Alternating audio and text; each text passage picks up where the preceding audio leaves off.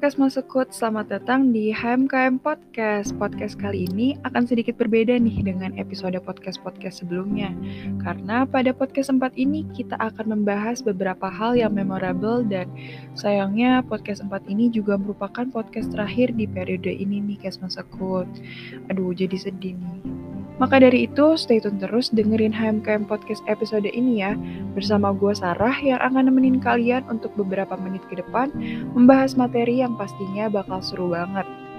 Nah, guys masukut, kira-kira ada yang udah bisa tebak belum nih kita bakal bahas apa di podcast kali ini? Ya, karena tadi udah di-spill sedikit nih, kita bakal ngebahas tentang hal yang memorable jadi di HMKM Podcast episode ini kita bakal ngebahas tentang kilas balik HMKM periode 2021-2022.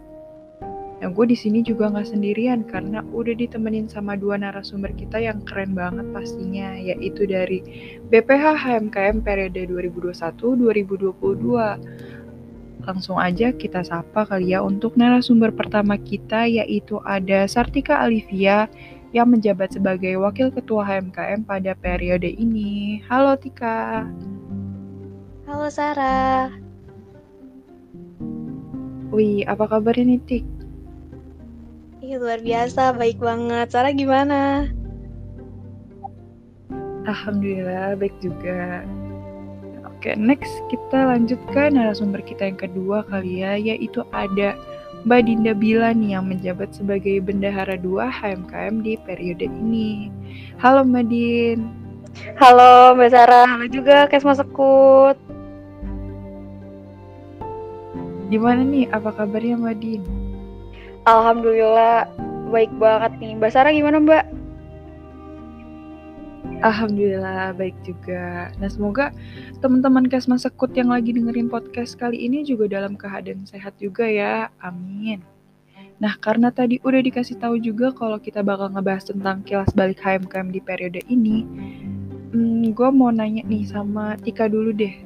Selama Tika berada di HMKM periode ini, ada nggak sih keluh kesahnya menjadi BPH? Kalau ada, boleh dong diceritain ke kita-kita atau mungkin selama satu periode ini Tika bahagia terus nih jadi nggak ada keluh kesahnya Waduh, waduh.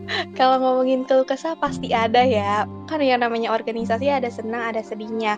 Kalau untuk keluh kesahnya sendiri sih, karena di sini posisinya uh, ibaratnya tuh gue ada di atas ya. Jadi ada aja gitu hal-hal yang emang uh, menimpa gue baik gitu dari internal maupun dari eksternal. Banyak banget uh, tekanan-tekanan yang didapetin. Dan kadang tuh uh, orang-orang nggak bisa ngeliat nih tekanan apa yang lagi gue uh, lagi gue dapetin atau tekanan apa yang lagi gue rasain. Karena mereka cuma lihat dari covernya aja nggak pernah ngeliat dari dalamnya gue seperti apa. Terus kalau misalkan gue lagi sibuk nih lagi aduh mikirin uh, rapat atau gue lagi ada agenda tertentu yang emang harus gue hadirin kadang tuh ada orang yang nggak mengerti gitu posisi gue di sini. Gue lagi sibuk loh. Jadi uh, kadang mereka menyalahkan di satu pihak. Mikirnya gue nggak lagi ngapa-ngapain jadi eh, nggak uh, bisa ngelakuin sesuatu yang mereka minta. Padahal saat itu gue lagi ada agenda lain. Kayak gitu sih kalau misalnya terus selain itu juga karena di sini uh, gue bertugas juga untuk nyatuin kalian semua gitu di dalam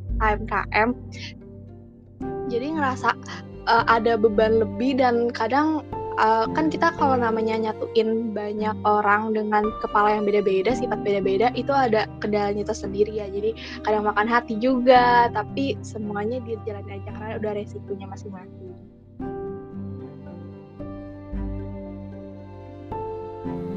Oke, jadi kalau keluh kesah dari Tika itu susah dinyatuin orang banyak ya itu kan pasti emang susah banget sih. Terus juga kayak uh, banyak agenda-agenda atau rapat yang lainnya yang sebenarnya nggak semua orang tuh tahu gitu. Nah, kalau dari Mbak Din sendiri nih, ada juga nggak sih kalau kesah yang Mbak Din rasain selama jadi BPH di HMK periode ini? Kayak misalnya susah nih mintain anggota-anggotanya buat ditagihin uang kas gitu. kalau untuk uh, keluh kesah pasti ada ya maksudnya kalau betul kata Tika gitu di suatu organisasi jatuh bangun tuh pasti ada ya kayak lagu dangdut gitu jatuh banget kalau sebagai BPH apalagi gue kan sebagai bendahara uh, paling menurut gue sendiri keluh kesahnya itu terkait birokrasi sama kampus sih. Biasanya kan gue ngurus LPJ juga ya sama bendara satu sama sekretaris juga. Nah itu uh, pusing banget di revisi gitu. Kadang hari ini udah benar, eh tiba-tiba besok suruh balik lagi ke kampus, ada yang kurang atau gimana. Kalau untuk uang kas, alhamdulillah ya Allah, alhamdulillah itu karena teman-teman HMKM sangat mengerti ya sepertinya. Jadi kalau untuk uang kas udah alhamdulillah lebih jauh lebih enak gitu untuk minta ini ya walaupun emang kalau misalkan uang kas itu uh, di di grup sendiri itu ramenya ketika obrolan-obrolan lain tapi ketika ada remind terkait uang kas ya tiba-tiba sepi. Ya sedih sih tapi ya udahlah nggak apa-apa. Gitu ya kalau lagi ngomongin uang kas langsung pada kabur nih. Pura-pura nggak ngerit chat iya tiba-tiba waduh kayak ngelihat di pop up aja kali ya nggak usah dirit tuh teman-teman anggota lain yang belum bayar uang kas jangan lupa bayar ya karena kan itu juga udah kesepakatan bersama jadi jangan lupakan tanggung jawabnya. Seperti itu. Nah karena tadi juga udah nanya kalau kesahnya sekarang gue juga mau nanya nih selama uh, periode satu periode ini tuh ada nggak sih kesan dan pesan dari Tika dan Badin yang buat nanti penerus HMKM di periode selanjutnya. Dari Mbak Din dulu deh sekarang gantian. Selama satu tahun di HMKM, eh gue dua tahun ya berarti kalau bisa dibilang gitu. Kalau periode ini sangat berkesan sih menurut gue karena gue bisa ngeliat teman-teman tuh sama-sama berproses gitu. Gue ngeliat prosesnya dari awal sampai sekarang akhir periode tuh kelihatan banget jauh lebih jauh lebih berkembang dari teman-teman dan gue kayak bangga banget gila gue bisa bisa ngelihat mereka untuk terus berproses. Terus hal-hal berkesan lainnya banyak sih menurut gue kalau dari gue sendiri dulu kan gue gagu banget gitu ya. Maksudnya gue takut gitu untuk ngomong di depan orang. Walaupun emang sekarang gue juga nggak bagus-bagus amat public speakingnya tapi gue ngerasain kalau ada pengin ada peningkatan lah seenggaknya dari diri gue sendiri. Dan itu yang terpenting sih. Uh, gue merasa diri gue jauh lebih baik dari sebelum-sebelumnya. Dan semoga tetap bisa terus lebih baik lagi ke depannya sama gitu untuk teman-teman uh, pesannya juga gue harap HMKM ke depannya Eh, nggak uh, cuma memberikan untuk dirinya sendiri tapi juga bisa memberikan lebih banyak manfaat lagi untuk uh, sekitarnya gitu.